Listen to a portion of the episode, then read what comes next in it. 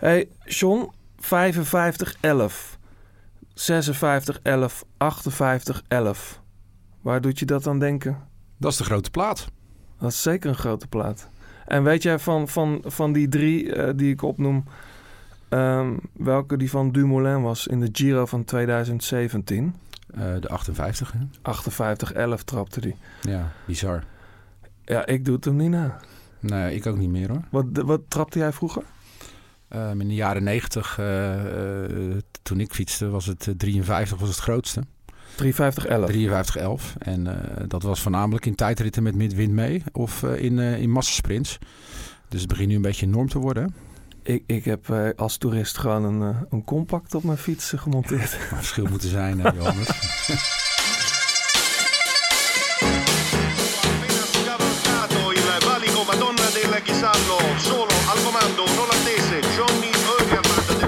Dat is de liefde.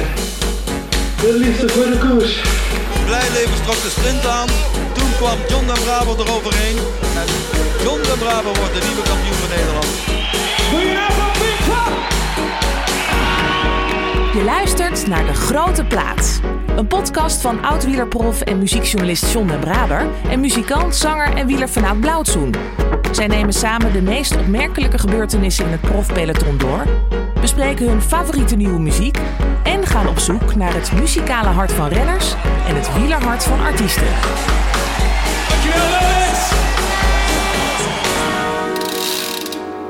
Een nieuwe podcast. Yes. Um, als wij elkaar tegenkomen is het vaak backstage en dan praten wij uh, zomaar twee uur, drie uur met een biertje erbij over ja. de koers en over muziek. Ja. Jij hebt me heel veel geïnterviewd, mm -hmm. maar dat doen we niet meer, want Nee. we kennen elkaar daar te goed voor. Ja. Maar daarom dachten we, ja. We gaan er professioneel over praten. we gaan het gewoon eens Nee, het is, opnemen. het is de, weet je, we delen de passie van muziek en, en, en wielrennen.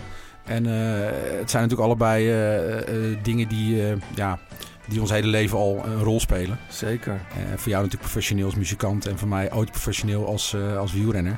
Ja. Dus ja, en bij borrelpraten ontstaat vaak de beste ideeën. Dus eh, ja, nu zitten we hier. Dus Hey, let's want- go. Ja, en, en wat kun je verwachten? Want eh, we, we zijn nu met z'n tweeën. De allereerste eh, aflevering van De Grote Plaat. Eh, maar eh, binnenkort ook gasten. Yes. Karsten Kroon komt langs. Nicky Terpstra. Maar pas na de grote klassiekers. Eh, Tim van Delft, de drummer van De Staat, komt langs.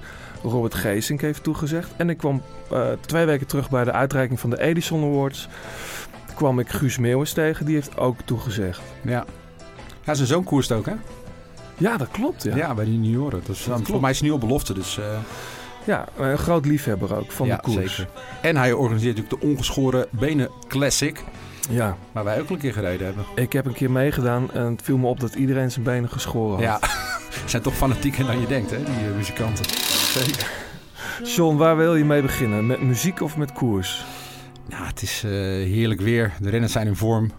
Dit weekend is de omloop het nieuwsblad. Dus eh, ja, met koers natuurlijk. En zeker, ja, ik las van de week een uitspraak van Zdenek Stibar. Stibar. Die eh ontiegelijk goed in vorm is. Ja. Ehm, en die zei in iedere andere ploeg had Terpstra nooit Harelbeke of de ronde gewonnen. Dus dat was eigenlijk...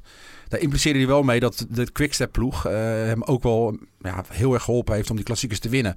En dat is natuurlijk een interessant vraagstuk. Want dit jaar rijdt hij natuurlijk niet in zo'n heel sterke ploeg, Direct Energy. Mhm.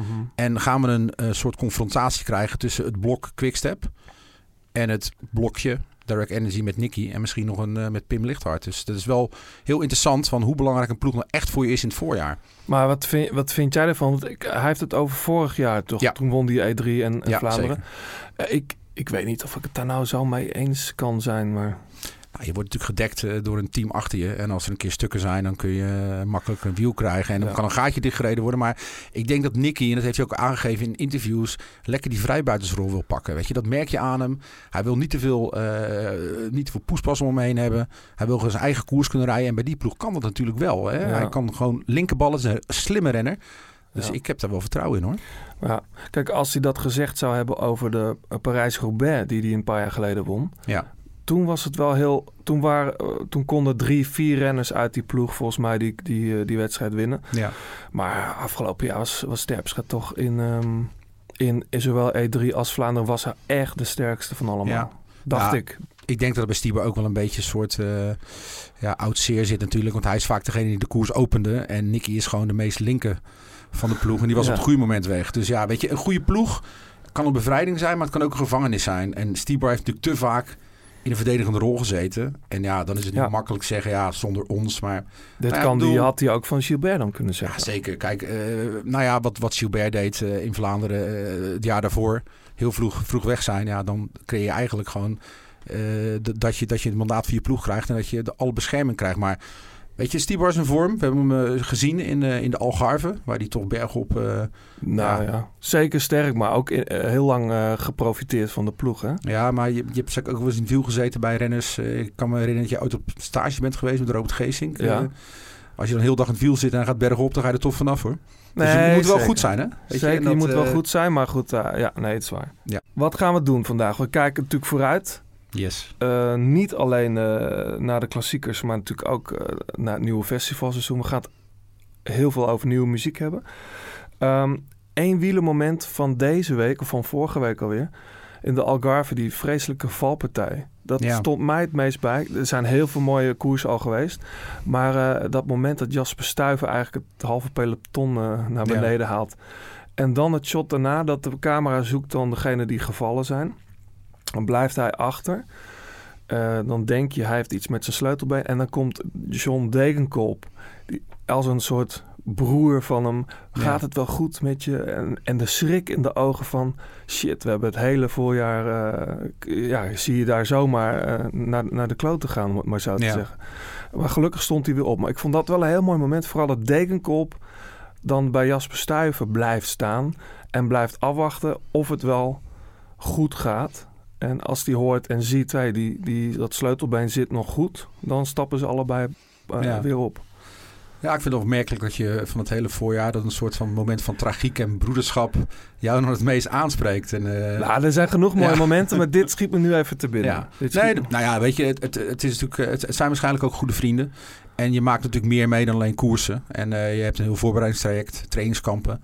Jongens zijn naar elkaar toegegroeid. En eh Degenkolb weet ook hoe belangrijk het voor Stuyven is om een goed voorjaar te rijden. En, ze hebben dat- elkaar ook nodig straks. Zeker. En het, en het, ja, het vervelende met, met, met, met een sport is, en in de wielersport in het algemeen, dat je kunt een heel jaar trainen als Eddy Merckx en leven als, een- als, een, als een monnik. En één valpartijtje, één ziekte en je hele voorjaar of najaar kan naar, naar de verdoemenis zijn. Ja. Dus dat, dat, dat, dat aspect van broederschap, dat, ja, dat vind ik ook heel erg mooi. Hey, moeten we het nog even over de shirts hebben? Graag. De nieuwe, de nieuwe tricots. Ja. Wat, wat vind je ervan? Kleurrijk. Dat kan je wel zeggen, ja. Ja, Erg veel rood, man. Ja, maar dat zijn, het ene jaar is heel veel blauw, dan is er heel veel rood. We hebben een tijdje gehad dat bijna alles geelachtig was. Maar vind je het niet raar dat eh, dat zou bijvoorbeeld in de Premier League in, op, met voetbal of, of Champions League, dat zou toch niet bestaan dat, dat clubs zeg maar dezelfde soort, de soort gelijke kleuren dragen in één wedstrijd. Nu, nu moet je soms echt goed kijken. Team CCC heeft eh, een soort oranje tricot. Op beeld moet je maar eens opletten. Is het bijna rood? Ja. Dan heb je Track Segafredo met rood, eh Bahrein met rood. Dan heb je nog de, die rally ploeg, Ja. de Pro-Continentale eh, ook rood. Ik Ja. word een beetje gek van hoor. Nou, misschien moeten we pleiten voor uit- en thuisshirts. Weet je? Dat, net als in het voetbal. eh, Ik bedoel, je hebt, je hebt niet over voetbalclubs, maar Ajax, Feyenoord, Utrecht, eh, PSV, allemaal rood-wit. Ja, Maar inderdaad, eh, je, we kennen natuurlijk het bekende voorbeeld van in het verleden met Onse, die in de Tour nooit Ja. een geel shirt mogen, mochten rijden. rijden in het roze tijdens Ja. de Tour en Ja. de rest van het jaar Klopt, geel. ja. Dus misschien moeten we naar zo'n soort constructie toe. Maar het is inderdaad heel verwarrend. eh Karsten Kroon had zelfs in de, in de Arabische Emiraten... dat hij eh, op een gegeven moment dacht dat CCC dat het, eh, dat het, dat het Sunweb was. Dus het is... eh, Ja, ook nog Sunweb. Verge- Vergeet ik hem, ja, maar die het hebben ook rood. allemaal heel... Allemaal op zich best wel mooi. Wat, Ja. wat vind jij eigenlijk het mooiste shirt? Ja, toch Sky. Ja? Ja, ik, ik, ik, Ik dacht dat je even die, die Rafa-shirts van eh, Education First wel mooi zou vinden. ja, maar ik zou er zelf niet in gaan rijden, denk ik. Dat roze ik denk dat dat een beetje mijn referentie is. Zou ik het zelf graag aandoen. En, Ja, en jij, jij koestert die liefde voor zwart toch met mij ook wel een Zeker, dat kleedt ook mooi af. Ja, natuurlijk. Ja. Ehm, we komen straks nog even terug op, eh, op de koers van eh, wat, er, wat we al gehad hebben. Ja. Ehm, we gaan natuurlijk ook dit weekend naar de omloop. Wat heerlijk trouwens. Dat, dat we weer gaan beginnen. Ik vind toch die, die rondjes in Australië, Nieuw-Zeeland en Colombia vind ik mooi. Ik vind ook Maar ik vind dat toch wel lekker dat we in Europa dan zijn, met z'n allen. Ja, Ik vind dat toch iets meer echte koers, mag ik dat zeggen? ja de, de keien. Jij bent gewoon een fan van de keien. Nou, nee, ik zie ook wel uit naar Luik, weet je wel. Ja. En, ehm, maar op, het, op een of andere manier heb ik het idee dat het niveau hoger is. Ja. Dat er gewoon nu straks vanaf eh, dit weekend en april gewoon echt harder gefietst wordt. Omdat Ja. iedereen daar naartoe piekt. Hoe zie jij dat? Ja, er is in de loop der jaren wel veel veranderd natuurlijk. Eh, vroeger had je rondes als de Middellandse Zee, eh, Parijs-Nice. Dat waren eigenlijk veredelde, nou, ik wil niet zeggen trainingskoersen, maar veel minder belangrijk dan nu. Mhm. Nu heb je gewoon al een serieus voorjaar. Eigenlijk een, nou ja, bijna een winterperiode. Waar je nu al ziet dat teams gewoon tegen elkaar op aan het knokken zijn qua overwinningen. Weet je, Ja. Eh, Astana heeft voor mij 11 zegens. Quickstep op 10. Weet je, dat kun je bijna niet voorstellen dat je dat voor maart al op je palmarès hebt staan. Ehm, maar ik ben het met je eens. De omloop het nieuwsblad is gewoon het officiële eh, begin van het wielerseizoen. Het is de Ja. aftrap. Het is de geur van patat bij de koers, van bier. Oud, oud wielrennen, zou je het bijna noemen. En Mhm. daarom leeft die koers ook. Ik bedoel, in België gaan ze twee uur van tevoren al in de uitzending speculeren. eh, waar jij nogal gek op bent eh, van tevoren. Zeker, daar komen we ook nog op ja, daar terug. gaan we het nog wel even over hebben. Dus ja, het is gewoon het, eh, ja, het, het- heerlijk. Ik ga ervoor voor klaarzitten. Ja, ik vond, ik vond ehm, Algarve ook, ook erg leuk om naar te kijken dit jaar. Ruta del Sol is eigenlijk altijd wel leuk om te zien. Ja. Ehm, die Pogacar trouwens, hè? Ja, wat een fenomeen, joh. Die is gast is 20. Won die vorig jaar niet de Ronde van de Toekomst? Ja, die won de Tour de l'Avenir. En eh, ja, echt, echt een ontzettend talent. eh, Slovenië. Eh, straks hebben we uit Slovenië en Slowakije de beste wielrenners misschien van, eh, van, ja, van, van, van, van de nieuwe generatie. Ja. Ja, ik vind het heel fascinerend hoe vooral veel jonge rondrenners nu opstaan. In het klassieke werk ziet het iets minder. Het lijkt daar eh, alsof die, de, de, de, de 30-plussers gewoon Ja. nog steeds toch wel de baas zijn. Ja, Hoewel die Mats Pedersen zag, eh, zag ik gisteren nog rijden. ja, Dat is wel een jonkie, toch? ja zeker. En die kan ook wel hard, hè? En, en eh Krach. Ja, zeker. We zeggen Krach, toch? Søren Ja, Krach. ja, ja, want dat Andersen, iedere heet Andersen. Dus maar dat, ze hebben twee Krach Andersens bij Sunweb, hè? Ja, het is. ja, en dan heb je ook nog eens die jongen die natuurlijk van Astana vorig jaar de omloop het nieuwsblad Ja. won. Even zijn naam kwijt. Valgren. Valgren Andersen, Ja. natuurlijk. Waar zeggen we gewoon Valgren? Valgren, Ja. dus dat, eh zo houden we het. Dat is bij de Spanjaarden.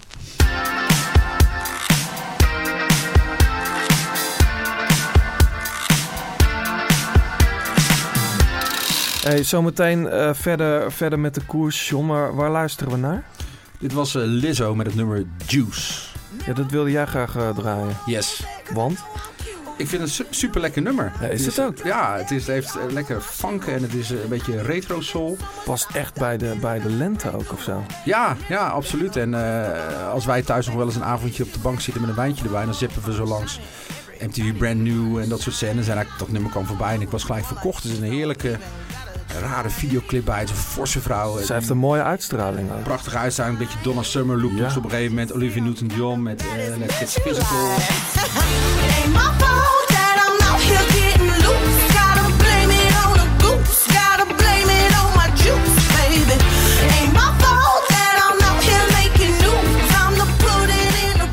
Het nummer begint ook met de zin eh, Mirror, mirror on the wall, don't say it, cause I know I'm cute. Weet je, dat zegt ook heel veel over hoe zij zichzelf ziet. En het is een heel lekker, vrolijk nummer. Eh, Ja. Wordt dit, wordt dit al op de radio gedraaid in Nederland? Ik heb eigenlijk geen idee. Maar, Moet je eerlijk zeggen dat ik niet zoveel radio nee, ik ook niet. Nee. Maar Maar die, eh, die, die heeft het zeker op de playlist staan. Kink, Juist. Ja, dat moet je op DAB Plus. eh, Ja, dat doe ik ook. Ah, dat doe je ook. Ja, ja, ik heb speciaal een, eh zo'n DAB radiootje gekocht. Zo. Als ik dan aan het fietsen ben op de tax, dan eh Ja, staat ik de vrienden van Kink op. heel goed. Heel goed. Hey, waar, waar kijk jij eh, naar uit verder trouwens, dit eh, muziekseizoen? Want we, de festivals komen er weer aan, hè? Ja, zeker. Ik heb heel erg veel zin in eh Motel Mozaïek. Ja? Eh, Oké. Maar vooral om eh Elado Negro. Dan ga ik straks nog even draaien. Ja. En Eh, waarom? Ik vind eh, die nieuwe songs... Ik, het gekke is, hij maakt al jarenlang muziek. Ehm, en ik kende hem via een remix die hij voor Sufjan Stevens maakte. Ja. Hij, zijn eerste platen kwam ook allemaal volgens mij uit bij Smatter Kitty. Dat, Mhm. eh, het platenlabel van, eh van Sufjan Stevens. En ehm, hij heeft nu denk ik twee tracks of drie tracks van zijn nieuwe plaat uit. Komt binnenkort. En ik vind die vibe zo mooi. Het is Ja. heel folky. Het is een soort Latin. Maar ook heel elektronisch. Af en toe, zijn stem heeft iets weg van Defendra Bernhard. Ja. Maar daar heb ik heel veel zin in. Zou- Ja. Ik zet hem gewoon even op. Ja.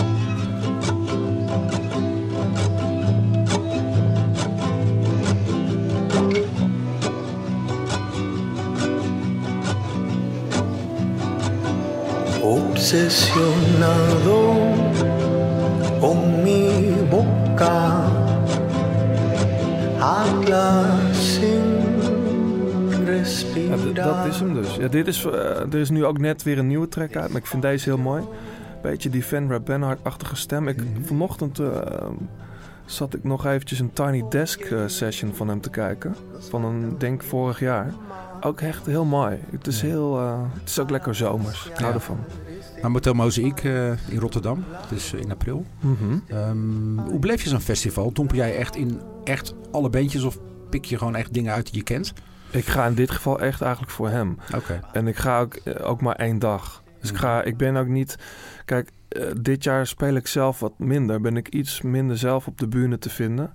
En dus geeft me wel de kans om lekker overal heen te gaan. Maar ik, ik ga niet eh, me helemaal onderdompelen in een festival. Ik vind het leuk om nog wat dingen te zien. Dus ik ga dan vaak één dag. En, dan, maar, en ik, hang, ik vind het ook heerlijk om lekker backstage te hangen. En wat artiesten te ontmoeten. En een beetje mensen uit... uit het wereldje te spreken die je normaal eh, niet ziet of zo. Weet Dus je je wel. bent gewoon het netwerken. Nou, zo ben ik er niet mee bezig eerlijk gezegd. Het is meer lekker borrelen. Ja. Oké. Ja. Nou ja, ik ga wel eh, het hele festival. Mhm. Ik vind het echt... eh, ja. Apparaat speelt ook. Ja, zeker. Ja. Maar de sfeer is altijd goed. En het is een soort van... Ja, je hebt natuurlijk Eurosonic Noorderslag in het, in het noorden. En dit voelt toch een klein beetje als ons. eh, als Rotterdammer. Ons eigen festival. Best veel dingen zijn die gewoon onbekend zijn. En dat het is heel gek dat het dit jaar gelijktijdig met Paaspop is, Ja. zag ik. Dat is best wel vreemd. Of niet? Of is dat altijd zo? Ik heb er geen idee van. Nee, dat is niet altijd Nee. zo. Nee, maar ja, weet je, het is natuurlijk totaal geen crossover bijna. Eh Paaspop is toch heel veel een beetje de Ja, zeker. bekendere bands. Dus, eh, Zeker. En heel ander publiek is ook een heel Brabants festival. En dat ik, eh Motomo zie komen wel van mensen vanuit heel het land eh, komen daar langs. Dus dat is wel iets andere, iets andere koek. Ik heb ooit nog gespeeld in Of Corso.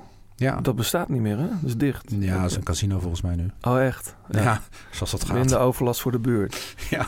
ja. Hey, ehm, oh ja, ik heb nog trouwens... Heb jij tickets voor Nick Cave?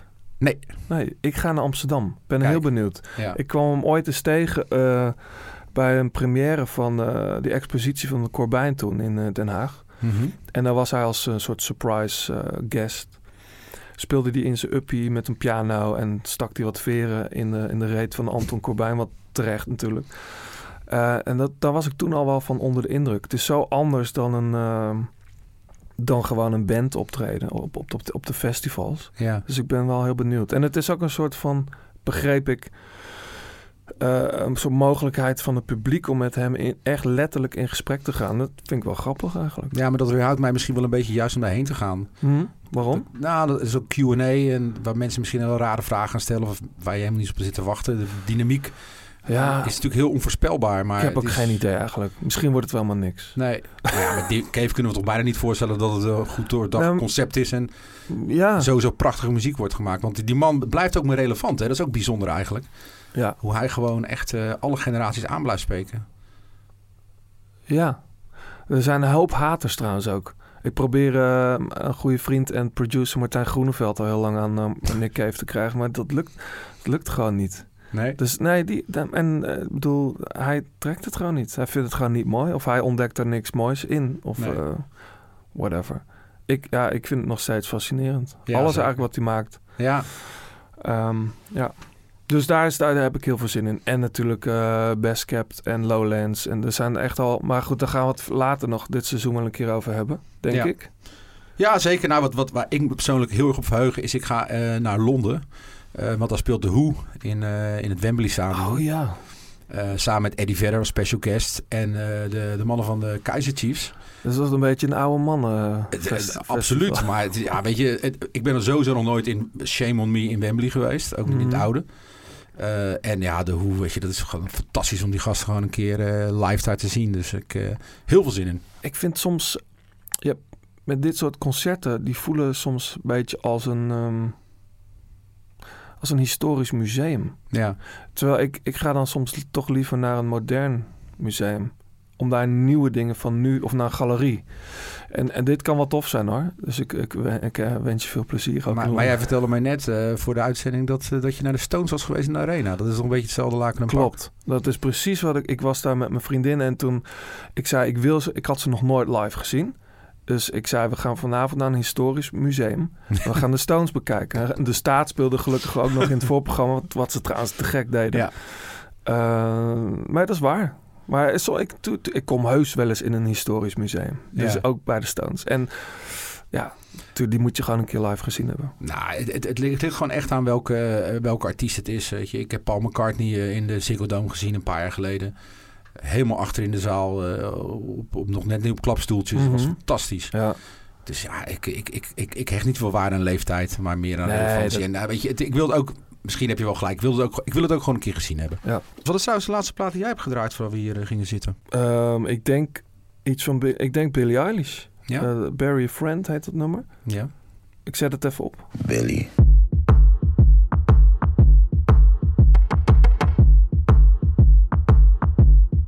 What do you want from me? Why don't you run from me? What are you wondering? Scared of me? Why do you care for me? When we all fall asleep, where do we go? Nee, ja, je kent het. Ehm, ik, ehm, dit heb ik bijvoorbeeld wel op de radio gehoord voor het eerst. Eh, en ik dacht, wow, echt heel vet. En er is natuurlijk een hoop om haar te doen. Ze is ook gisteren, eh ja, gisteren speelde ze in Tivoli. Ze heeft met 3FM eh, allerlei dingen gedaan. En ehm, Heb je trouwens gehoord hoeveel mensen de kaartjes zochten op Ticketswap voor ja, bizar hè? 12.000. Ja, bizar. Want ze deed alleen Tivoli Vredenburg, Ja. dacht ik, ja. Ja, en dan Lowland straks. En dan zou ze volgend jaar wel in de Ziggo staan. Ja, Eh, denk ik zo. ja. Maar, daar ehm, heb jij een theorie over, hè? Dat, dat als artiesten ook wel een beetje gebracht worden. Nou, je ziet het wel vaker, ja. Met artiesten dat ze dan eerst het in Paradiso programmeren... dat binnen twee minuten uitverkocht is. Eh, daarna spelen ze dan op een festival... en het jaar erop in een, in een grotere zaal. En ik denk dat heel veel eh, agencies op zo'n manier artiesten brengen, ja. Ja. En dat zal bij haar niet anders zijn, denk ik. Ik vind wel... ehm, nou, ik, laat ik het zo zeggen, even los daarvan. Ik vind de track gewoon heel goed.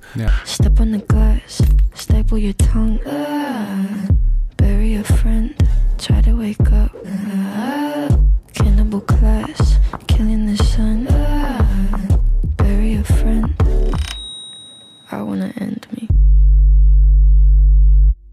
Het is met haar broer gemaakt. Hè? Mhm. Die eh, produceert en schrijft ook met haar. Ja. Eh, wat ik trouwens een... ehm, wat ik trouwens heel goed herken, want ik maak ook met mijn broer muziek. Maar ik vond het ook wel een, een fijn idee. Omdat ik dacht, oh, het is niet zo'n meisje dat eh, met een groep van, van componisten, zeg maar, ja, wordt, wordt opgezadeld door het label van en hier zijn de songs en ga het maar doen of zo. Weet je, het is echt, het is een maker. Ja. Ehm, Ze woont voor mij nog bij de ouders zelfs. oh ja? In LA. Ja, ik Nou, had dat is een eh, best wel best, goed. wel interessant verhaal in Rolling Stone eh, nog even haar gelezen.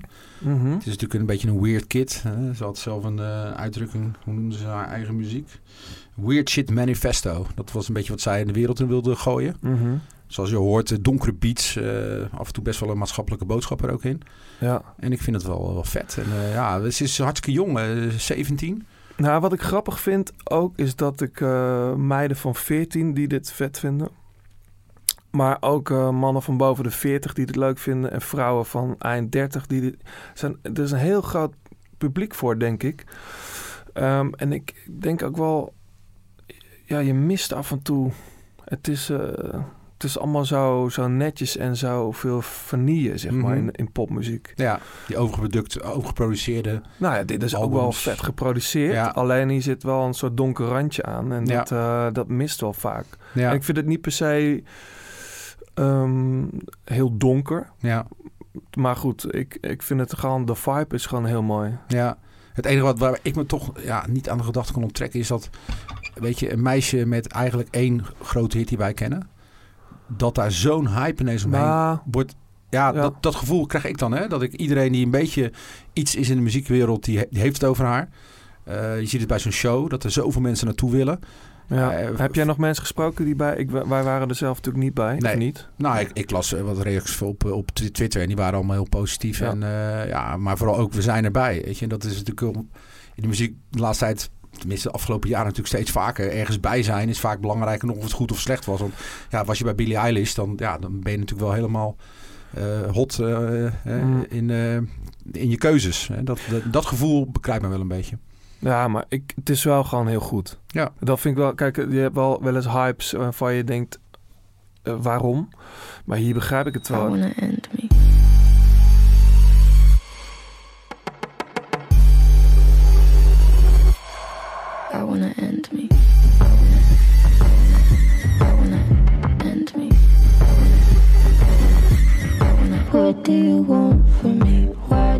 trouwens, die track die zij op de, voor die Roma-film eh, gedaan heeft... was ook al heel mooi. Ja.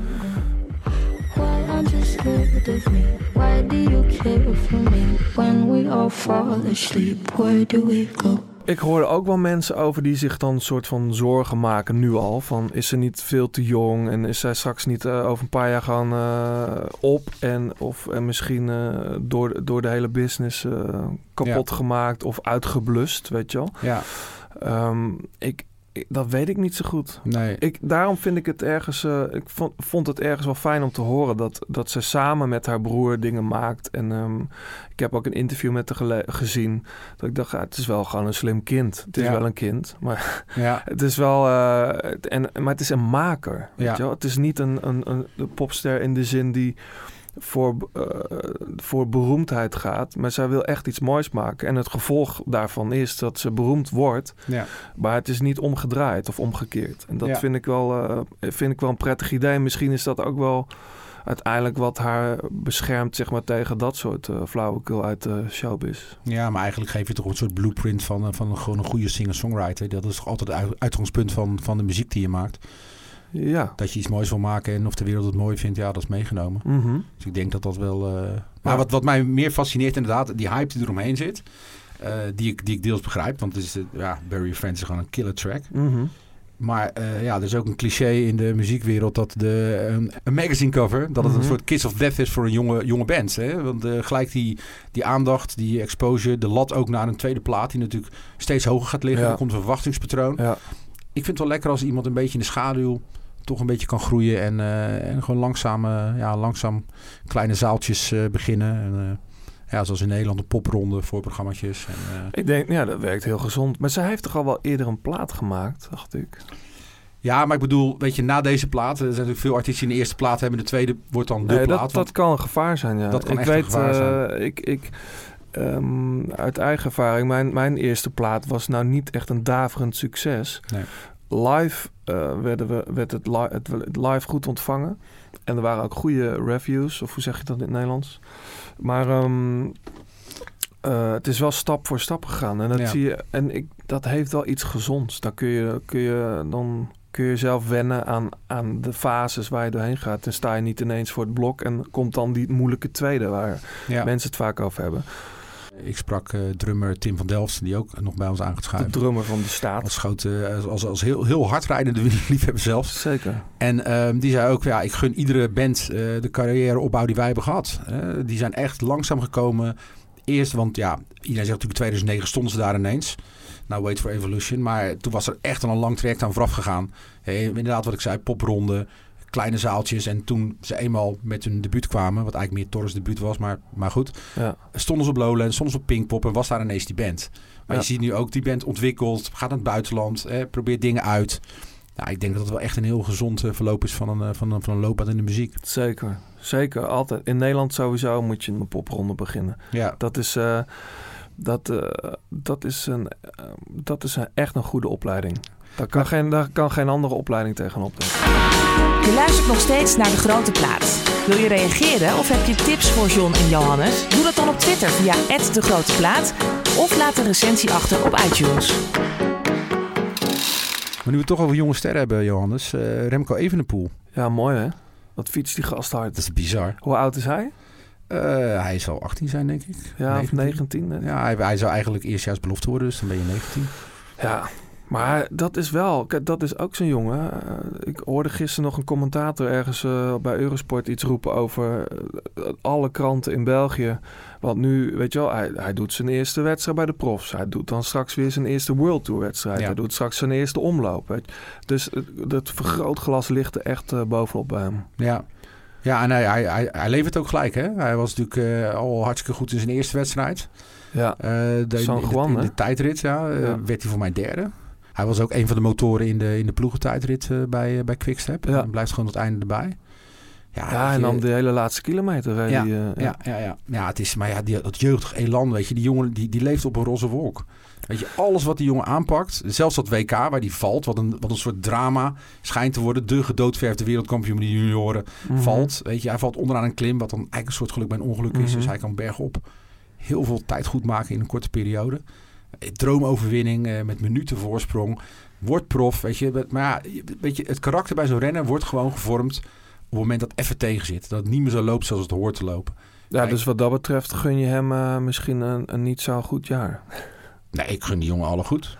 Maar het zou wel goed zijn als hij een keertje op zijn, met zijn neus op de feiten wordt gedrukt. Ja, En dan gewoon eens een keer ouderwets wordt afgereden door, eh, door iemand, door Nicky Terpstra op een zijklimmetje. ja. Want ja, weet je, wielersport. eh ja, ik las toevallig een, een mooi stuk voor mij. was in Pro Cycling, eh, of een column.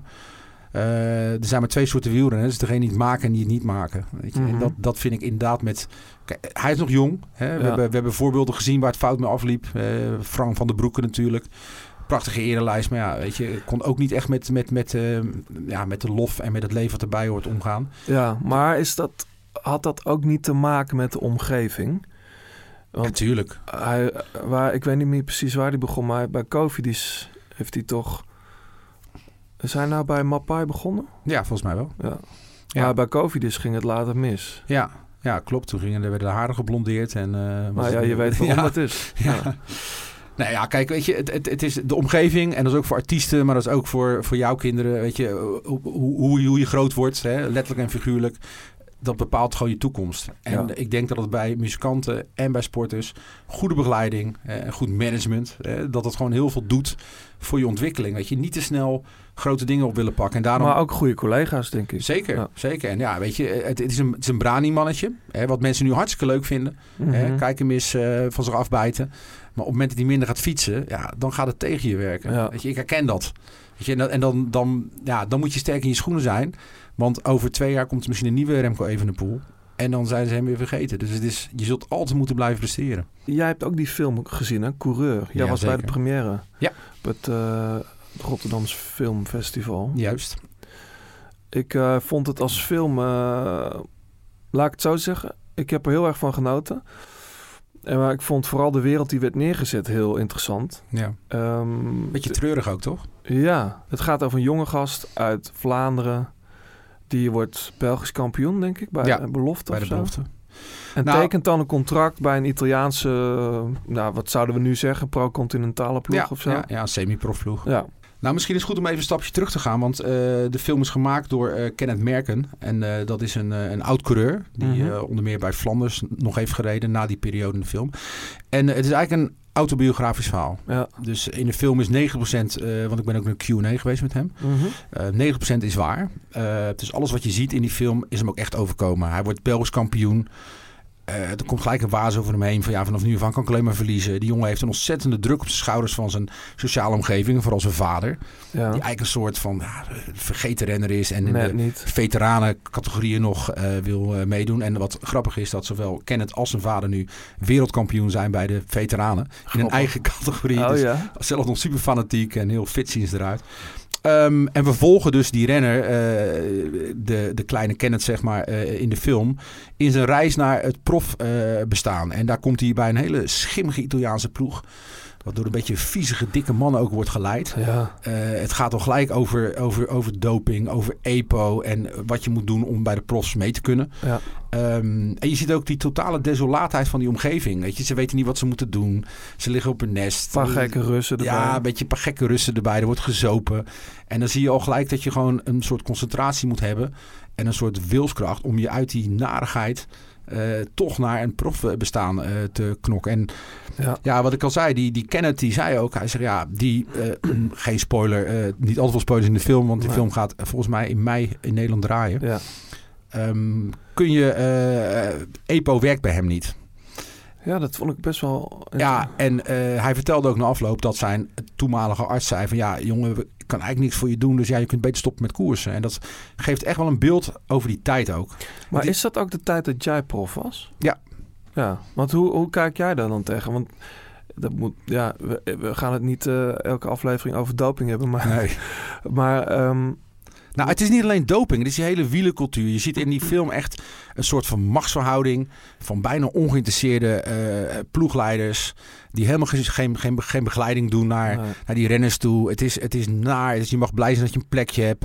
Je zag ook dat hij een eigen contract, zijn vader hem wilde inkopen in een ploeg. ja. In een, weet je, ik, ik, ik herken dat, weet je. Dat, dat was, in die tijd was dat zo. aha. Weet je, met alle respect voor iemand als Kees Priem, dat was geen man die bij je kwam zitten en zei van, John, hoe is het nu met je? Nee. Het gaat niet zo lekker. Weet je, als je kijkt hoe het wielrennen nu is, totaal different ballgame. En dat, Ja. dat vind ik wel echt, en dat vond ik in die film heel erg ja, tekenend bijna. Iedereen die die film ziet en jong is en, en wielrent of wil gaan wielrennen, denkt van nou, laat me zitten. Ja, Het is, het is nergens leuk. Het is zelfs bij overwinningen, eh, het, het, is gewoon, er zit gewoon geen enkele vreugde in. nee. En dat, dat kenmerkt gewoon zo bijna maniacale willen, iets willen wat je eigenlijk weet dat eigenlijk niet zo heel goed voor je is. Hm. En dat, dat typeert volgens mij die tijd ook. En ik denk niet dat, wat je ook zegt, doping is echt niet iets wat we hier eh, in de grote plaatsen eh, gewoon constant gaan benoemen. Maar in die periode was het gewoon, je doet het of je doet niet mee. nee. En vooral die uitspraak van die arts van ja, dan moet, je moet maar stoppen met koersen. Het is niet van ja, je gaat nooit de Tour winnen. Nee, je moet stoppen met koersen. Ja. Weet je, dat is, dat is gewoon zwart en wit. En dat is gewoon heel erg bijge, bijgebleven. Dat, ja, dat, ik, vond het, ik werd er gewoon echt eh, ja, ik, een beetje treurig van. Ik ben blij dat, dat jongens die nu bij de profs rijden... Ja, die keuze eigenlijk niet meer hoeven te maken. Mhm. Het is nu zo anders. Ja. Maar nog even dan terug naar hoe jij, hoe, hoe, hoe jij in, de, in de opening van, eh, van de grote plaat horen we Jean Nelissen nog roepen eh, dat je Nederlands kampioen werd. Ja. Welke tijd hebben we het dan ook weer over? 1993, Ja. Eh, Ja. opa. lang geleden. Ja, maar dat, maar dat speelde in die tijd natuurlijk ook. De, de jongens waar jij toen tegen koerste, ja. die zijn later grote meneren geworden in het profpeloton. ja, klopt. Ik niet. Nee? Vind Nee. Je, nee. Nee. Maar je weet, jij weet ook waarom.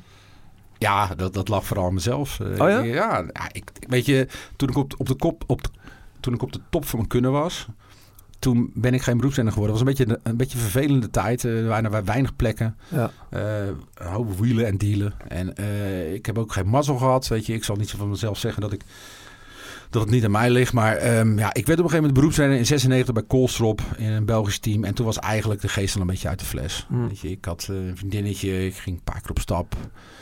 Weet je, dat, dat eh, biertje drinken. Het was, ja, sterker nog, ik ging gewoon op, op wintersport. Nou ja, Een, een maand voor de Middel- Middellandse Zee. Dus ik denk, weet je, wij hebben, jij hebt Nicky Terpstra gepost of die Ja. bij ons te gast wilde zijn. En die zei, ja, graag, maar Ja. dan wel na Parijs-Roubaix. ja, Toen zei jij van, ik heb nog nooit een periode geblokt, zeg maar, Nee. toen ik prof was, eh, van eh, dingen die hij dan niet deed of naliet. nee, maar dat heeft heel erg met goed Nederlands determination te maken. Hm. Weet je, ik bedoel, ik kan me voorstellen als jij eh, aan een plaat bezig bent, Ja, dat je dan ook geen gezeur van een journalist aan je kop wil. ik doe of- dan nooit eh, pers of, of Nee, dus ik, vond het, ik vond het jammer. Natuurlijk wil je graag Nicky voor Parijs Roubaix spreken. Maar ik vind het nog toffer dat hij heeft gezegd, nou even niet. Ja, maar die focus, die, Ja. eh, maar die had jij dan toen niet meer. Of die heb je wel even moeten hebben, anders Ja, tuurlijk. kom je nooit op dat niveau. Nee, nee, maar wat, wat ik al zeg, weet je, ik, ik, tuurlijk zijn er jongens in mijn omgeving die later grote prestaties hebben geleverd bij de profs. En eh, natuurlijk zullen er ook een paar van eh, zijn behaald met verboden middelen. Maar ik heb, ik heb altijd geweigerd om dat als argument te gebruiken voor het feit dat ik nooit een Tour de France etappe heb gewonnen. Mhm. Ja, weet je, dat, ik vind het achteraf, die huilerij van mensen ook altijd van ja, dankzij, weet je, kom op. Weet je, dan ben je gewoon niet goed genoeg geweest. Ik, eh, het, was, het was level playing field en dat heb ik altijd gezegd. En ja, Ja. ik vind het, eh, ik kijk gewoon met veel plezier terug op wat ik wel heb gereden en de mooie tijd ik heb gehad. Eh, en je geniet nog steeds op de fiets. En ik vind het super leuk om te fietsen. Ja. Eh, leuker dan toen zelfs, hè, want er was het een moetje en nu is het, is het mogen. Ja. Dus, eh nee joh, verleden tijd. Oké, muziek. Yes. De grote plaat kopgroep.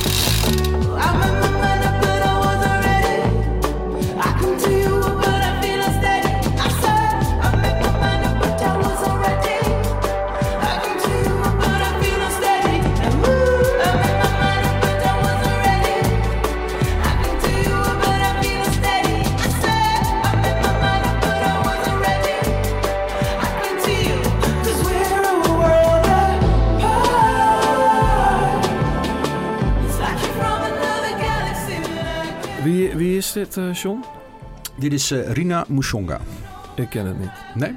Nee, nooit van gehoord. Nou, ik moet je eerlijk zeggen dat ik haar ook niet echt in het vizier had. Maar ehm, ik krijg natuurlijk best wel vaak muziek opgestuurd. En als ik een beetje mazzel heb, zelfs een mooie vinylplaat. En eh, deze zat daartussen. Dus dan belandt hij op de platenspelen. En is hij eigenlijk gewoon een paar dagen blijven liggen. Het is een half Nederlands, half eh, Zimbabweaans, als ik het goed uitspreek. Zimbabwe? Zimbabweaans. eh Zimbabweaanse dame. En ehm, ze heeft meegedaan aan de Grote Prijs van Nederland. Eh, heeft eh, zelfs een plaat gemaakt met Chris Bond. Die onder meer met Ben Howard, Ja. voor mij is die drummer daar. Maar toch niet helemaal happy met haar stijl. Is naar Londen verhuisd. En volgens mij naar Peckham-wijk. En daar heeft zich helemaal laten inspireren door haar leefomgeving. Alles wat ze meemaakt. Ze is veel meer in dubstep gegaan. Veel meer naar de roots, de afrobeat. Mhm. En hij heeft er een soort van lekkere mengelmoes van gemaakt. En eh, die eh, het internationaal heel goed doet. Want Pitchfork gaf er zelfs een 8. Nou, dat is natuurlijk wel, eh, wel netjes voor zo'n grote... Het is in ieder geval lekker. Ik weet niet of het echt iets zegt, maar Nou ja, maar hoeveel Nederlandse artiesten Oh, worden überhaupt eh, in Amerika opgepikt? Ja. Eh, Dat, eh Pip Blom eh, doet het nu best wel lekker daar. En, Ja. eh, ik vind het hartstikke leuk. En het is, eh, het is, weer, het is weer eens wat anders. En het is, eh, klinkt het, wel heel mooi. Het is lekker retro. En het is lekker om op te zetten ook gewoon. eh, Ja. Of bij een festival lekker weg te zwijmelen in het gras. Dus dat, eh, daar, eh, ik, ben, ik ben een nieuwe fan. Dus In a Galaxy. In Zo heet Galaxy ook het heet- album, hè? Ja, dat is het album. En dat is volgens mij nu net uit. And it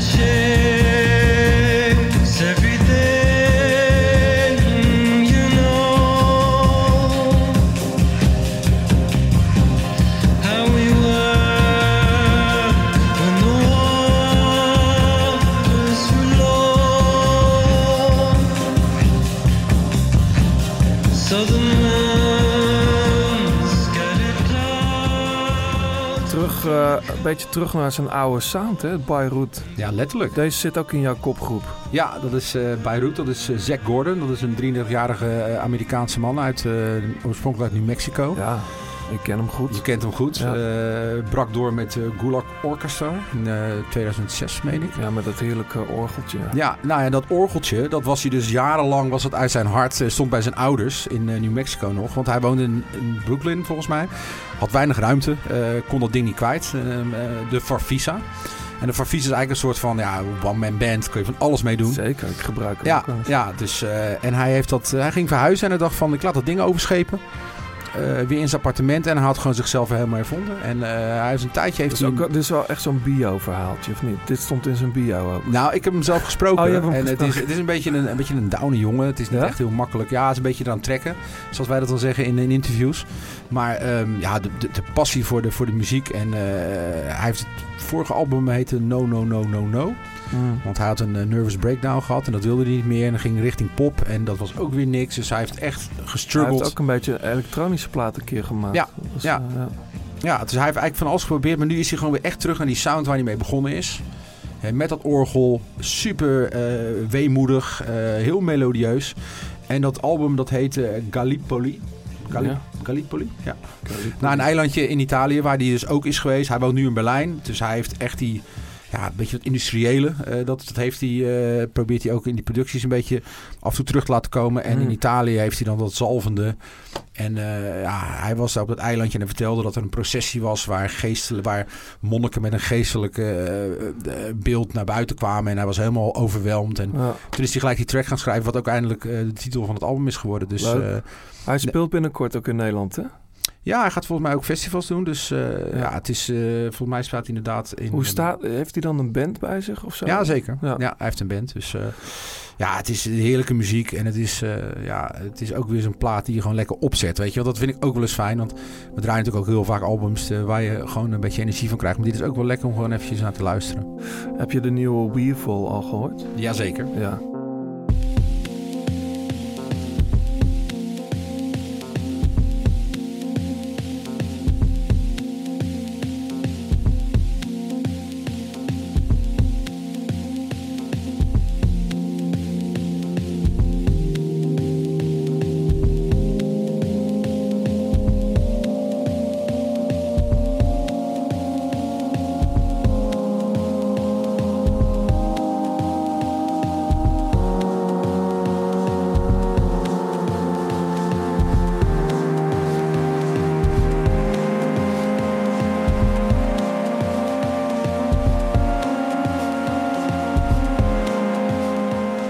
Zijn nu drie tracks uit. Ik weet niet, het album zou heel binnenkort denk ik verschijnen.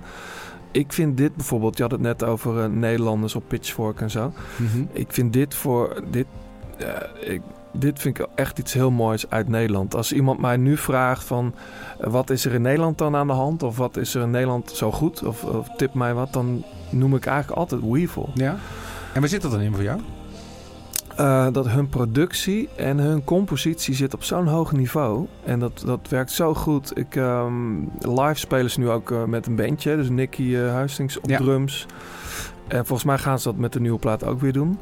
En ze staan op hele mooie plekken te spelen in heel Europa. Hebben natuurlijk ook een mooi label achter zich. Ja, zeker. Ehm, maar het zit hem toch gewoon echt in de, in de compositie in combinatie met die, met die productie. Het is, Ja. alles is precies afgemeten goed of zo. Ja. En ik kan, ik kan dit... eh, er zijn nu drie tracks uit en die heb ik constant op, eh, op repeat staan. Zullen we even naar luisteren? Ja. Ja,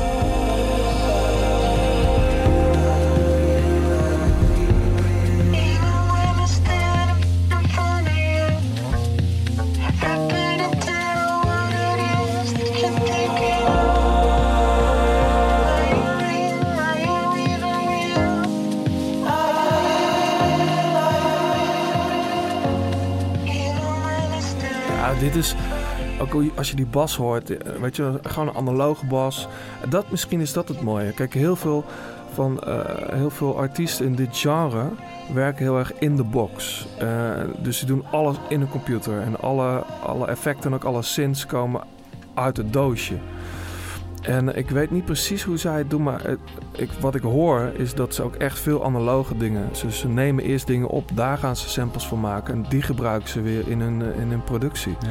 En dat maakt het veel organischer of zo. En ehm, Maar ik kan me ook voorstellen dat jij naar zo'n band echt luistert als een, als een muzikant, weet je. En als een producer, dat je ook zo'n track gaat ontleden. En, of, of kun je het ook gewoon echt als een warme deken over je heen ik kan laten dit vallen? als ik ik bedoel zeker, dit zijn zulke zomerse tracks. Ik kan me nu al verheugen op een, een lange autorit en dan eh, die Weevil plaat opzetten.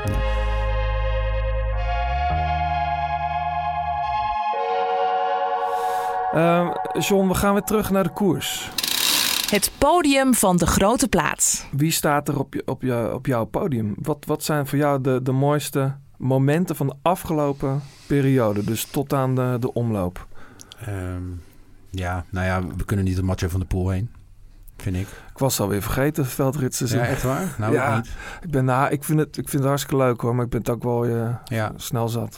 Ja, het is natuurlijk vrij eendimensionaal, omdat het natuurlijk vrij saai seizoen was. Maar Zeker ik omdat denk- Van Aert gewoon niet... eh, Nee, maar eh, we hoeven het niet te lang over te hebben. Nee. Maar ik vind, eh, als je wereldkampioen wordt onder zo'n druk... als, hij, als hij weer tweede was geworden of erger nog... dan had hij een soort complex weer aangepraat gekregen. Ja, Ik vind het echt een fenomenale kampioen... die, echt, ja, die zomaar straks wereldkampioen zou kunnen worden in Yorkshire. Weet je? Echt, ik vind hè? het echt...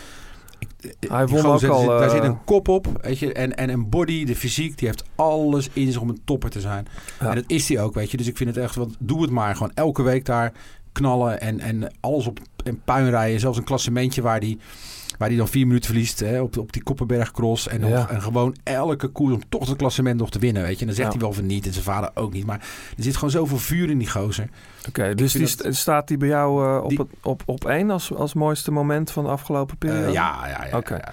Nou, en verder ehm, heb ik ehm, eh, heel erg genoten van de, de ploegentijdsoverwinning van, van Jumbo-Visma. Ja, in, in Abu Dhabi. Want ja, weet je, die ploeg, nasleep van Rabobank, eh, de Blanco-tijd, Belkin. inderdaad. Het was gewoon niet zo mijn team.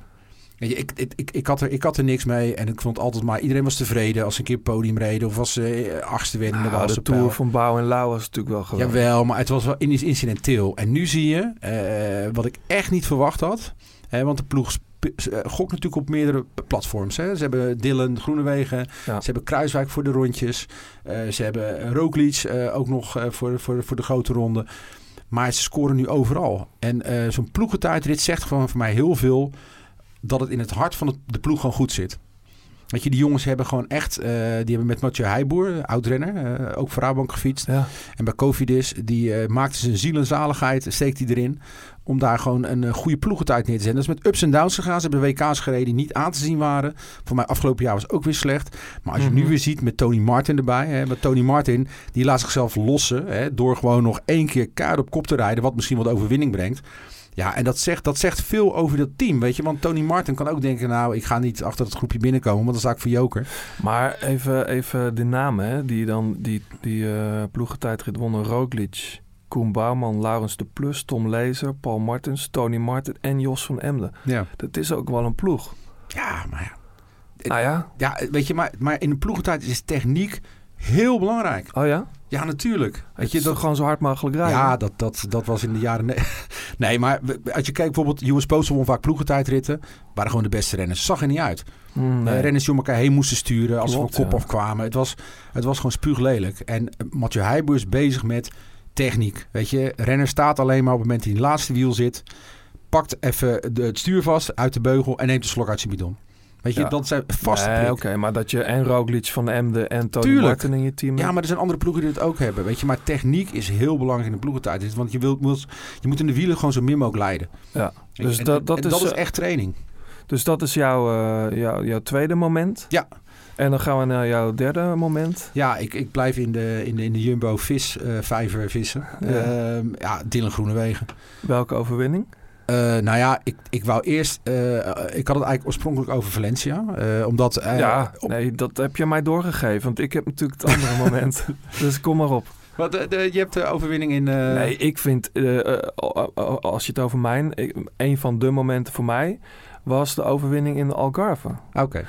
Eh, van Groenewegen. Ja, nou zal ik eerst mijne doen dan? Ja, Nou, ik vind Groenewegen is een sprinter die echt... Dat is een powerhouse.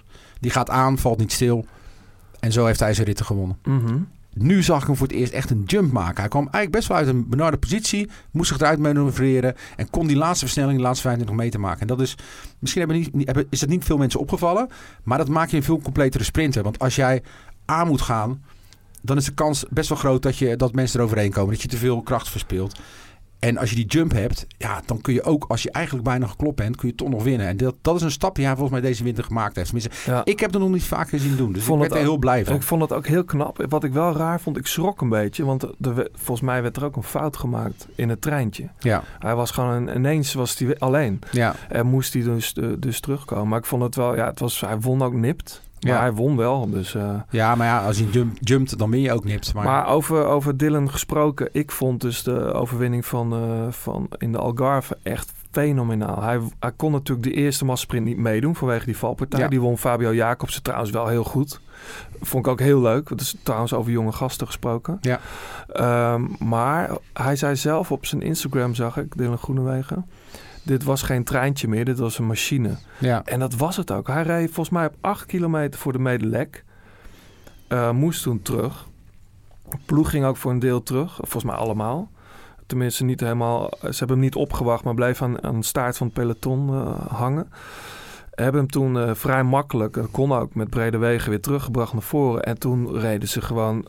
Toen zag je echt de afspraak: oké, jij de vijfde kilometer, jij de vierde, jij de derde. Op een gegeven moment had hij Mike Teunissen. En toen dacht ik: dat is echt wel slim. Mike Teunissen terug bij, eh, bij Jumbo. Ja, die had bijna zelf die sprint wel kunnen winnen, maar die trok hem zo hard door. Dat eh ja, Groenewegen de makkelijk, eh, ja, makkelijk kon winnen. Demar zat natuurlijk ook een beetje te kloten. Ja. Maar goed, die, die had het anders ook niet gered hoor. Als die, eh, als die gewoon in het wiel van zijn ploegmaat. Die, dat vond ik heel mooi. Dus dat is Ja. mijn. Dat vond ik een heel mooi moment. Nou ja, ik, ik, even om dat aan te vullen. Eh, Mike Teunis is inderdaad een hele belangrijke schakel nu. eh, die bij de ploeg is gekomen. Ehm, maar wat hij deed, en dat vond ik echt... Dan kun je zien dat iemand snapt wat hij doet. Kijk, een sput aantrekken is niet dat je zelf overal doorheen kunt sturen. Maar kan degene achter me er doorheen sturen. Dat is belangrijk. Zie je, je guide iemand langs een groep. En op een gegeven moment, Mike stuurde naar links en hij keek om en hij zag dat er een renner tussen hem en Groenewegen zat. Dus hij liet die jongen passeren en dook er weer tussen. Ja, Zodat hij precies goed is. Dat is gewoon echt, dat is puur koerslimheid. Ja. En dat soort dingen. Het was ook voor het eerst eigenlijk dat ik echt een goede trein zag bij die ploeg hoor. Want ik heb me wel eens Ja. vaker eh, me afgevraagd van moet Dylan niet naar een ander team waar ze echt 100% voor hem gaan. Want ja, weet je, af en toe was het gewoon echt niks in de finale. En dan redden ze zichzelf met kunst en vliegwerk nog wel. Maar dit was echt grote klasse. Als dit de, de standaard wordt, ja. ja, dan zou ik echt niet weten wie moet kloppen. Ik, ik las Maar toevallig- zat Van Poppel nu ook in deze trein? Dat ben ik even Eh, kwijt. Volgens mij weet ik eigenlijk niet. Nee. Maar dat zou kunnen. Nee, dat moeten we even opzoeken. Ik, ik dacht Ja. het niet. Of hij nou juist Route del Sol? Ik weet het niet meer. Nee, dat weet ik ook niet Er meer. zoveel koers al geweest, hè? Ja, het is, al- het is er niet meer bij. Nou, op een gegeven moment waren er drie koersen op een dag. Ik heb zelfs nog Sterven Zwolle zitten kijken op Echt, de hè? RTV Oost. Ja. Een ander heel mooi moment vond ik. Dat was dan niet echt goed, live te volgen, maar wel eh, achteraf op YouTube was die eh, overwinning van Quintana in de Ronde van Colombia. Dat vond ik wel echt. Ja, dat was echt gekke huis. Ja. Dat is een circus daar. Dat is het al. Ik bedoel, als die Colombianen naar Europa komen, en die zijn er best wel veel bij de koers, Ja. dan maken ze er al een feestje van. Maar hier was het echt niet normaal. Maar het ging ook echt mis. Dus eh, ik weet niet of je het gezien hebt Jazeker. mensen die meerenden, één, één supporter die struikelde. En het is geen eens opzet, maar het is echt de gekte van het moment. En Ja. dan die grote mannen daar zien rijden. Alle toppers uit Colombia stonden aan de start. En eh Quintana ging nog op zijn bek, joh. En toen, hij won hem ook nog. Ja. Hij viel niet hard, gelukkig. Nee. Maar, eh, maar als je die mensenmassa zag... en dan vooral het Colombiaanse colum- eh, commentaar... Colombiaanse commentaar erbij, Mhm. dat is echt... ik vond het wel echt... Ik kreeg wel weer zin in, in een gekke Giro of zo, weet je wel. Ja, Met- of, of, of een wereldkampioenschap daar ja, in Colombia. dat is lang geleden. Nou ja, sterker nog, ik heb in 95 dat wereldkampioenschap gereden. Op de, de piste dan wel, in Ja. Bogota. Maar ik heb nog nooit een land gezien waar zoveel mensen gek van de koers zijn. Echt, en hè? wij werden echt... Als je, nu, als je hier gaat fietsen, dan word je van de weg gereden. Maar daar werd, je, er werd naar je getoeterd, gezwaaid, er werd Ja. voor je geklapt. Weet je. Dat is echt... Het is in Colombia is wielrennen gewoon de sport. Maar je merkt het ook, eh, ook als je naar de Giro gaat of naar de Tour. Eh, De Colombianen die daar zijn, ik weet niet, eh, het, ze- ze komen echt met heel veel mensen altijd. En Ja. ehm, zijn echt super enthousiast en ook echt wel kenners van de koers. Ja. Maar goed, het ging daar wel echt, was wel echt op het randje hoor. Ja. Want eh, voor hetzelfde geld eh breekt Quintana daar eh, iets. En dan, ja, dan is een heel deel van zijn seizoen weg. Ja, maar ik vond het ook een beetje sneu dat die mensen die echt, eigenlijk gewoon echt puur het enthousiasme meehollen. En niet om in, baan, om in beeld te komen. Nee. Dat die dan zo, dat het gebeurt overal en er gebeurt Mhm. niks. En hier valt een renner daardoor. Dus het Ja. was ook wel een beetje cru. Ja, Weet je, gelukkig is goed afgelopen. ja. Jij gaat zondag naar Kuurne. Zit Ja. je bij Boogd in de wagen? Of, eh? Ik weet het eigenlijk nog niet. Nee, want je gaat daar voor een nieuwe revue heen of zo. ja, voor een ja stuk. ik ga een dagje in het spoor van eh, Lars Boom. Eh, Oh ja. Ik vind het heel fascinerend ja, dat die jongen bij Roompot denk ik stiekem best wel aan een goed seizoen al bezig is. Nou, top eh, 10 van de ja, week. Hij rijdt Ja. goede uitslagen. Hij ziet er fit uit. Mm. Hij, Vind je het raar als- ik zeg dat mag ook wel een keer? Ja, nou, dat mag zeker wel. Ja, het is... Het is zo'n talentvolle gast, joh. Ja, nou ja, kijk, eh, hij wordt natuurlijk eh spuugzat dat mensen dat tegen hem zeggen van hou je wel genoeg eruit. Maar ehm, ik denk dat Lars Boom eh, heeft een toerrit gewonnen. Eh, hij heeft de Bing Bang Tour gewonnen. Hij heeft gewoon stiekem best wel Daarmee is een Astana-contract. Ja, ja, ja, leuk. Ja, hij heeft misschien niet altijd goede keuzes gemaakt.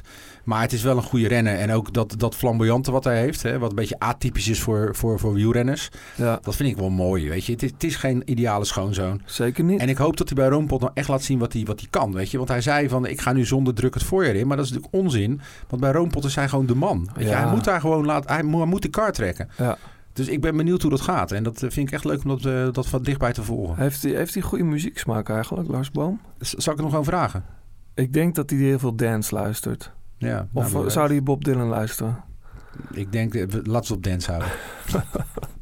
Hey, eh, we, we zitten in de laatste kilometer bijna van, eh, van deze eerste aflevering van de Grote Plaat. Ehm, ik wil toch nog even naar de prono's. Ik ben echt een Oh, vervent lijstjesmaker. En dus ik heb wat tips voor je nodig, John. En ik weet, je houdt er niet zo van, hè? Van pronostieken en zo. Nou, dat, dat heeft een beetje een rare geschiedenis. Want ik, ben, ik heb me ooit over laten halen om het eh, AD Rondemaster spel mee te spelen. Ja. En dan kun je dus elke dag renners inzetten. En ik werd er zo fanatiek in dat ik eh, het eerste jaar dat Nicky Terpstra eh, de Tour reed... kon je voor een habbekrats natuurlijk in je ploeg zetten. En ik denk, nou, ik gooi Nicky erin. En eh, ja, hij reed helemaal niks. Dus ik denk, nou, ik haal hem eruit. Dat schiet ook niet op. En ik zet de tv aan en hij rijdt voorop. Nou, dat ik gewoon blij was dat hij teruggepakt werd. Weet je, dat ik echt denk, het zal me nou toch niet gebeuren dat ik dan die punten niet heb. Dus ja ik vind oh, lekker. je- Ik, ik, wil van, ik wil onbevangen naar die koers kijken. Ik, ik wil niet dat Vogelsang een rondje wint omdat ik hem toevallig in een poeltje heb staan. Als, Nee. als, als Kruiswijk dan tweede wordt, weet je. Daar ben ik toch veel te veel nationalist voor. Ja, grappig. Ja, nee, maar ik, ik, ik maak die lijstjes, vind ik superleuk. Ik deed in het verleden mee aan een, hele, een soort 1.0 internet eh, variant op de wielerprono.be. Ik denk dat veel luisteraars die nog wel kennen. En eh, nog wel, wel zullen meedoen. Daar ben ik op afgehaakt. En ik merk dat ik dan eh, de iets modernere varianten, zoals op Scorito en zo, vind ik leuk. Ja. Maar als, als eh, stel, eh, laat ik het zo zeggen. Ik neem Mathieu van der Poel niet mee in mijn pronostieken nu. Eh, in mijn weet je, om, je moet een team maken en zo. Ja. Maar ik hoop natuurlijk wel dat hij een koers wint. Ja, dat, hou je daar een soort autoriteit dan ook uit in je, Nee. in je vriendengroep? Van, Nee, maar het is meer leuk voor met een biertje of een wijntje. Ja, Daarover ouwe hoeren en elkaar af en toe een appje sturen van dat ze, dat ze het weer niet goed zagen, weet je wel. ja, Eh, dat, dat vind ik er het leuke aan. ja. Dus ik, eh, ik ben wel druk met mijn lijstjes. Want eh, de meeste lijstjes, dan moet je natuurlijk rekening houden met, met budgetten. Mhm. Dus je kunt niet alleen alle toprenners meenemen. Nee. Weet je wel? En wie laat je dan van de toppers thuis? Weet je wel? Ik neem bijvoorbeeld Gilbert niet mee dit Nee. voorjaar. Omdat ik dan Sagan en Van Avermaat wel mee wil. En de vraag is altijd, wie neem je dan weer mee voor die laatste drie klassiekers? Amstel, Waalspel en Luik, weet je wel? Ja, Ja. Ik neem dan... Ik neem dan en dus dan moet je mensen meenemen waarvan je denkt... Nou, Alaphilippe, Michael Matthews... die kunnen eigenlijk het hele voorjaar wel, wel meedoen. Ja. Ik vind dat dan leuk. ja. En, en stiekem hoop je dan een keer een renner eh, erbij te hebben die niemand heeft. Je Dark Horse. Ehm, maar ja, wie dat dit jaar voor mij zal zijn, dat weet ik nog niet. Maar jij, jij komt ook niet echt op de proppen met tips, eh, merk ik al. Dat is wel jammer. Nou, ik, ik laat jou jouw passie voor de, voor, voor de wielenprono's uitleggen. Dus ik wacht ke- keurig Eh, mijn beurt. Ja, oké. Ja. Nou, ik, ik denk dat... We hadden het net heel even over eh, Wout van Aert. Ja. Dat die jongen gewoon echt een goed voorjaar gaat rijden. denk ik ook. Dat, dat, die zou ik zo blind in mijn lijstje zetten. En ja, Ja. verder, eh, als je gewoon een beetje... Dat is altijd het leuke van speculeren, vind ik wel leuk hoor. Dat, Ja. dat is... eh, ik, ik maar als ik zou ik Mats Pedersen meenemen bijvoorbeeld? Niet per se. Waarom niet? Nou ja, nou, Nou, weet ik niet. nou. Gewoon een gevoel. Ja, ja, dat is het ook. Het ja, is ook het, vaak is gewoon een gevoel. En, Ja. ja, weet je, het is altijd... Het, mooiste is natuurlijk speculeren over voor de koers. En zeker als het bijvoorbeeld om de omloop het nieuwsblad gaat. Maar eigenlijk kunnen we er niet zo heel veel over zeggen. Want Nee. we hebben nog geen keien koers Maar wie won? Boos van Hagen won die openingstijdrit in, eh, Ja. was het. Valencia? Ja, die is goed. Ja, En Trentin. nee, maar ik denk dan, die neem ik mee. Want als je zo'n tijdrit wint... Maar goed, eh, we zijn straks een maand verder. Ja, En Trenton is wel erg goed. Maar die had vorig jaar natuurlijk best wel een iets minder jaar. ja. Nou ja, Gaviria is nu weer aan het komen voor Milan Sanremo. Weet je, die heeft natuurlijk ook een infectie volgens mij gehad. eh. Ja, volgens mij won Gaviria net. Oh, oh eh, nou, in bedankt, de voor de, Emiraten. bedankt voor de spoiler. Ja. Ik had het opgenomen thuis. Oh god. Kijk, ja, zo ben ik dan. Hè. Maar- Nee, maar ehm, ja, weet je, het, het, het, het blijft hartstikke lastig. En ik zou Nicky, weet je, Nicky schijnt echt knijterhard te rijden, wat ik van, eh, van eh, eh, in de wandelgangen hoor. Dus die, eh, die is goed. En eh Van Avermaat wint natuurlijk een rit in Valencia. Mhm. Die was natuurlijk is goed in orde. Dus Ja. ja. we zien voor het eerst een beetje die klassieke renners. Tenminste voor het eerst. Je ziet het niet vaak dat die zich ook in die voorbereidingskoersen echt tonen. Ja. Hè, eh, reed, reed ook goed. Hè, die jongens zijn Die best was zich echt aan het testen. Ja, die zo. was er aan het testen. En, Die heb ik in mijn lijstje staan. Kijk, Ja. dat is een goede, Ja. goede tip. En ik zou, ik zou Sagan er misschien stiekem wel uitlaten. Waarom? Weet ik niet. Hm. Het kan toch niet elk jaar zo goed blijven gaan? Nee. Maar, nou, oké. Regenboogtrui niet meer? Ik neem trouwens wel eh, Dylan van Baarle mee als je het goed vindt. Kijk, dat ben ik helemaal met je eens. Ehm, de volgende keer dan, ik weet niet waar we opnemen, maar als het goed is hebben we dan een Tour de France eh etappenwinnaar. Groot muziekfan en momenteel is hij co-commentator bij Eurosport. Karsten Kroon, die komt langs. Zo gaan we eens eh, met hem eh ouwe hoeren. Ja, dat dat is het eh, eigenlijk hè, wat we doen. Eh, we willen graag nog even wat mensen bedanken. Tom van de Mechanieker Amersfoort, waar we deze editie hebben, de allereerste editie van de Grote Plaat, eh, hebben opgenomen. Dank voor de gastvrijheid en de koffie. Eh, Fleur Wallenburg voor het uitlenen van haar prachtige stem. Ehm, dan hebben we natuurlijk nog de 36 Ja. fietskleding. Zeker. Eh, wat is daarmee? Die gaan eh tenues maken van de, de grote plaat. En eh, vanaf de, de shirts eh, beschikbaar zijn, zijn die te winnen. Kun je Hier, winnen. in, de, in de podcast. Precies. De- en dat zijn wielershirts met het logo van de grote plaat. En het logo, en dat is trouwens gemaakt door Pankra. Dus ook dank daarvoor. En iedereen bedankt voor het luisteren. Ehm, als je een reactie wil achterlaten, doe dat dan op iTunes of Twitter, de grote plaat. Eh, wil je terugluisteren? Ga naar degroteplaat.nl. We zijn ook op Spotify, Deezer, de hele, de hele shabam. Overal is de podcast eh, te horen. En we komen denk ik eh, toch wel snel terug. Heel graag. Ga je nog naar een show deze week? Deze week niet. Ik moet deze week vooral hard werken. Stukken schrijven. Oh, stukken Dat moet ook gebeuren. Zeker. Nou ja, en waar ga je de omloop kijken? Thuis. Thuis en dan Kuurne in de karavaan waarschijnlijk. Ik ga s'avonds naar het hotel toe. Maar eh, van Roompot Charles. En dan eh dag daarna loop ik de hele dag mee. Dus dan... eh, Chique fietsenrijders, hè? Zo. Wow. Prachtig.